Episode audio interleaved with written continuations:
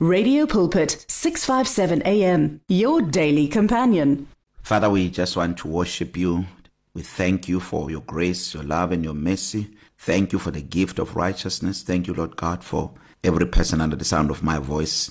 Touch us, heal us, deliver us, take us to a level we've never been before. We pray for understanding, we pray for revelation. In Jesus' name, amen and amen. Welcome to the show. My name is Pastor Kenny Mkwena, and it's time for you to experience the blessing. We are continuing with our conversation titled Manifesting the Glory of God. Manifesting the Glory of God. We've been using the book of Romans chapter 8 verse 30 um which is I read I I use the the amplified uh, classic edition because it has uh, some enhancement and bring a plain and more emphasis and interpretation to to what we are we are talking about. So if you are um you want to enjoy this i would say open it in your in your in your in your device whatever device that you have or your bible romans 8 verse 30 in the amplified classic edition it says and those whom he thus foreordained he also invited no no he also called. Well to call means to invite. He also called and those whom he called he also justified. And then it and then in brackets it says acquitted made righteous putting them into right standing with him. And those whom he justified he also glorified raising them to a heavenly dignity and condition and state of being. So here this verse for me for me it sums up the entire bible. It sums up the entire plan of god for salvation for mankind for earth. It sums up the entire ministry of Jesus. It shows us why Jesus came and uh, uh, where he is right now. How is he working right now? This one verse says it all for me. It shows us the four critical stages of um of of of our of our salvation. So um to break it down a little bit so that we can understand where where where we are going with this um i'm sure if you have been listening to this in the past few weeks we've been on this for a number of weeks now. Um you already know where we're going but if you are listening to this for the first time i want to give context to this quickly so that you can flow nicely with us. So uh, the the foreordaining one actually if you have to understand it from the context of the book of Genesis um God said let us make man in our image and after our likeness. Um uh, this is where you see the foreordaining that before man was formed God created man in himself. So man came from God clearly. That is the foreordaining part. And then the foreordaining one for him to predestine us it means he had to do that before we came to earth. Before we came to earth. That is why you see two stages of of of of of man in the book of Genesis chapter 1 and chapter 2 in Genesis 1 uh, um, verse 27 we see God creating man and then in chapter 2 verse 7 we see God now I think it's verse 6 and 7 somewhere there we see God now forming man so there is creation and there is formation. These two are not the same. Now when God predestinated it was before formation. That is why when you look at uh, Genesis 1:28 you see the blessing there. You see the blessing. It says and God blessed them. That was the foreordaining it says be fruitful multiply replenish the earth and subdue it. That was the foreordaining that was the predestinating. It was before man was formed. Understand this that because that is the first step. That is the first of four stages which we have to understand as the body of Christ right now for Christianity to make sense for Christianity to make sense. And I tell you now for me preaching this message establish every Christian every Christian. There is no Christian who will understand this message and not understand their salvation. There is no Christian who can understand this message and backslide. You must remember the bible talks about uh, um, uh, in in Thessalonians especially second Thessalonians it talks about actually even in first Thessalonians it talks about the apostasy which is the great falling away of believers. It's it's it's it's part of the of the of of the events that will uh, uh, uh,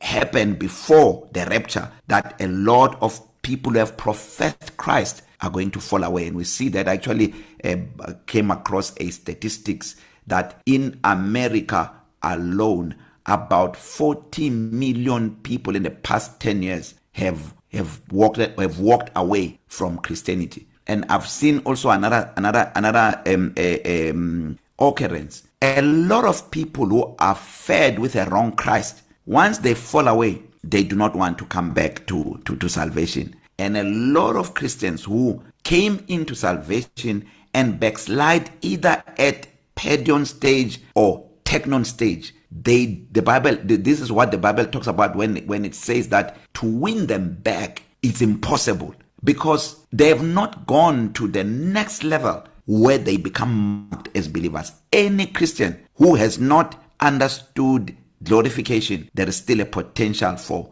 that particular christian to backslide because they have not reached the hero stage where there is a clear fellowship clear intimacy with the Holy Spirit. Now, here's the message that I'm talking about here. So, after God put man on earth, the Bible says now, you know, we know the story of Adam sinning. Adam is not a factor actually in this verse, is a factor because of us. But it's not a factor here. It's not part of any process because he, he failed and then Jesus became the last Adam. So he also called. The call there is an invitation for salvation after Adam's sin because we're all by nature a, a seed of Adam we become the seed of God when we now get born again. We become born in the spirit. That which is born of flesh is Adam. Because the bible says that which is born of flesh is flesh. So that which is born of of of, of the spirit is spirit. So you can even put it this way. That which is born of flesh is Adam and that which is born of the spirit is Christ. Because if any man is in Christ Jesus is a new creation. So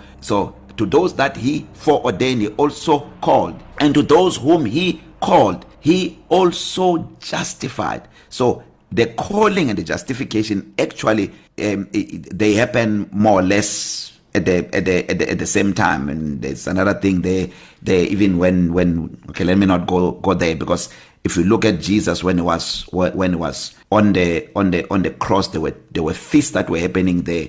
There's a feast of the passover and the feast of the unleavened bread which they, they just followed each other exactly followed each other. The feast of passover and the feast of the, the of of unleavened.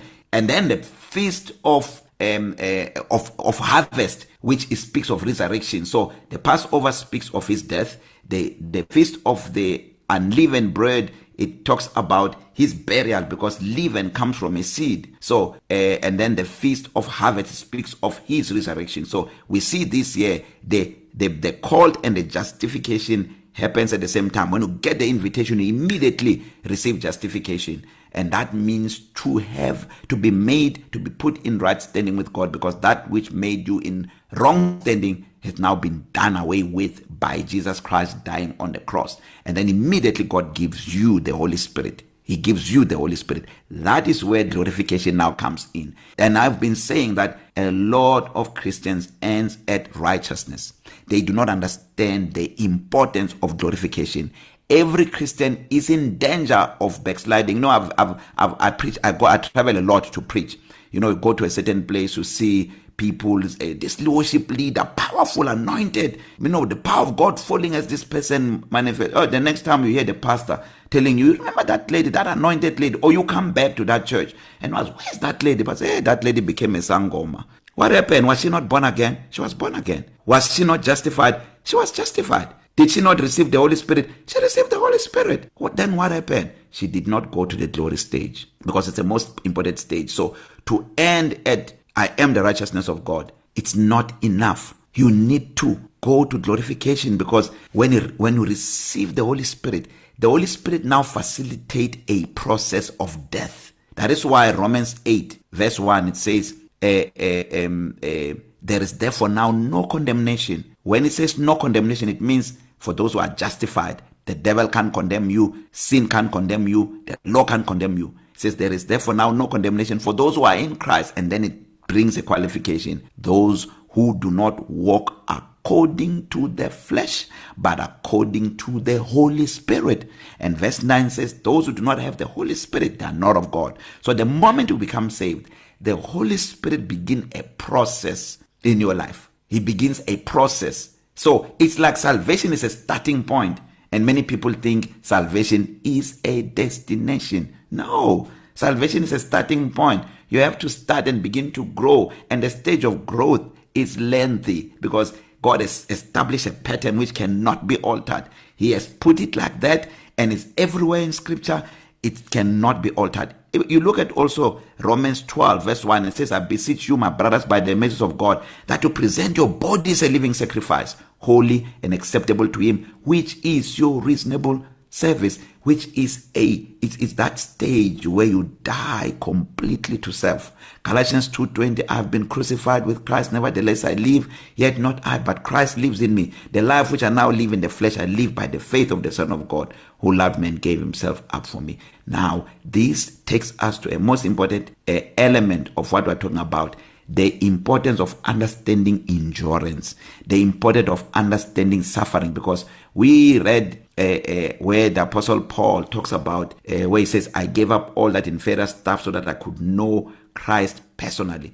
Right there it shows us to know christ personally there are certain things you must give up in your life. In fact you give up all. You die to self completely. You no longer live for yourself. You you you live for the glory of God and for the good of people that become what defines you. So if you look at what the apostle Paul is saying here he's saying firstly I gave up all that inferior stuff. That is what Abraham did when was called out of Ur.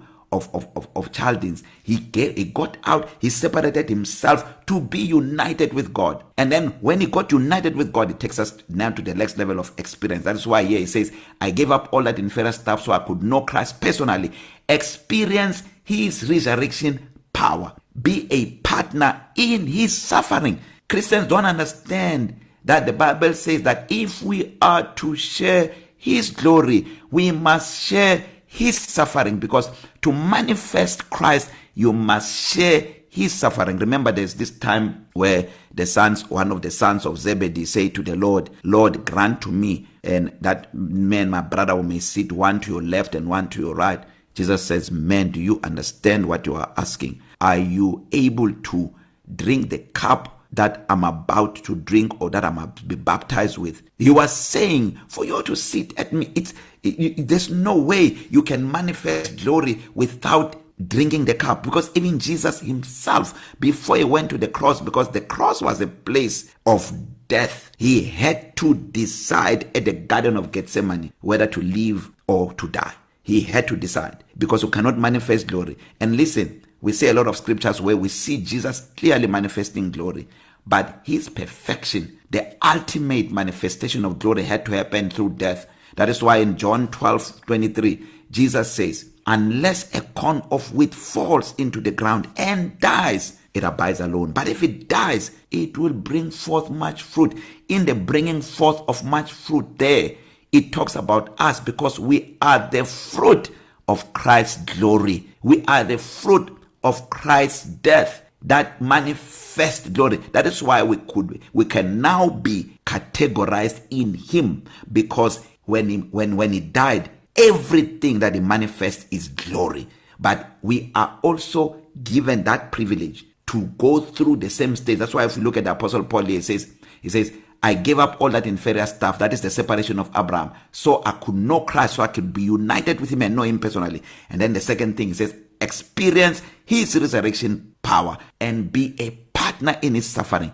And then he says and go all the way with him to death so that I can manifest glory. He says if there was any way to get in on that resurrection from the dead I wanted to do it. This is the apostle Paul. So in other words whatever it takes. Have you reached the stage where you say whatever it takes even the master himself he had to say not my will but your will be done. He had to die. He died in the garden to the flesh. It was easy for him to go to the cross. If he did not die to the flesh he could not have gone to the cross. His body would have become his limitation and that is why people today that are serving God casually it's because of the body. We're going to talk about that in the next episode. Father thank you so much for every person listening to this. If you are not born again i want you to receive jesus. I beg of you receive jesus and make him the lord of your life. It's easy. You just open your heart and say this with me. Say lord jesus i receive you now as my lord and my savior. Amen and amen. So thank you so much. God bless you. See you again next time. The words of the lord are words of life. Your heart is on 657 AM. 657 AM. Radio for believers in action.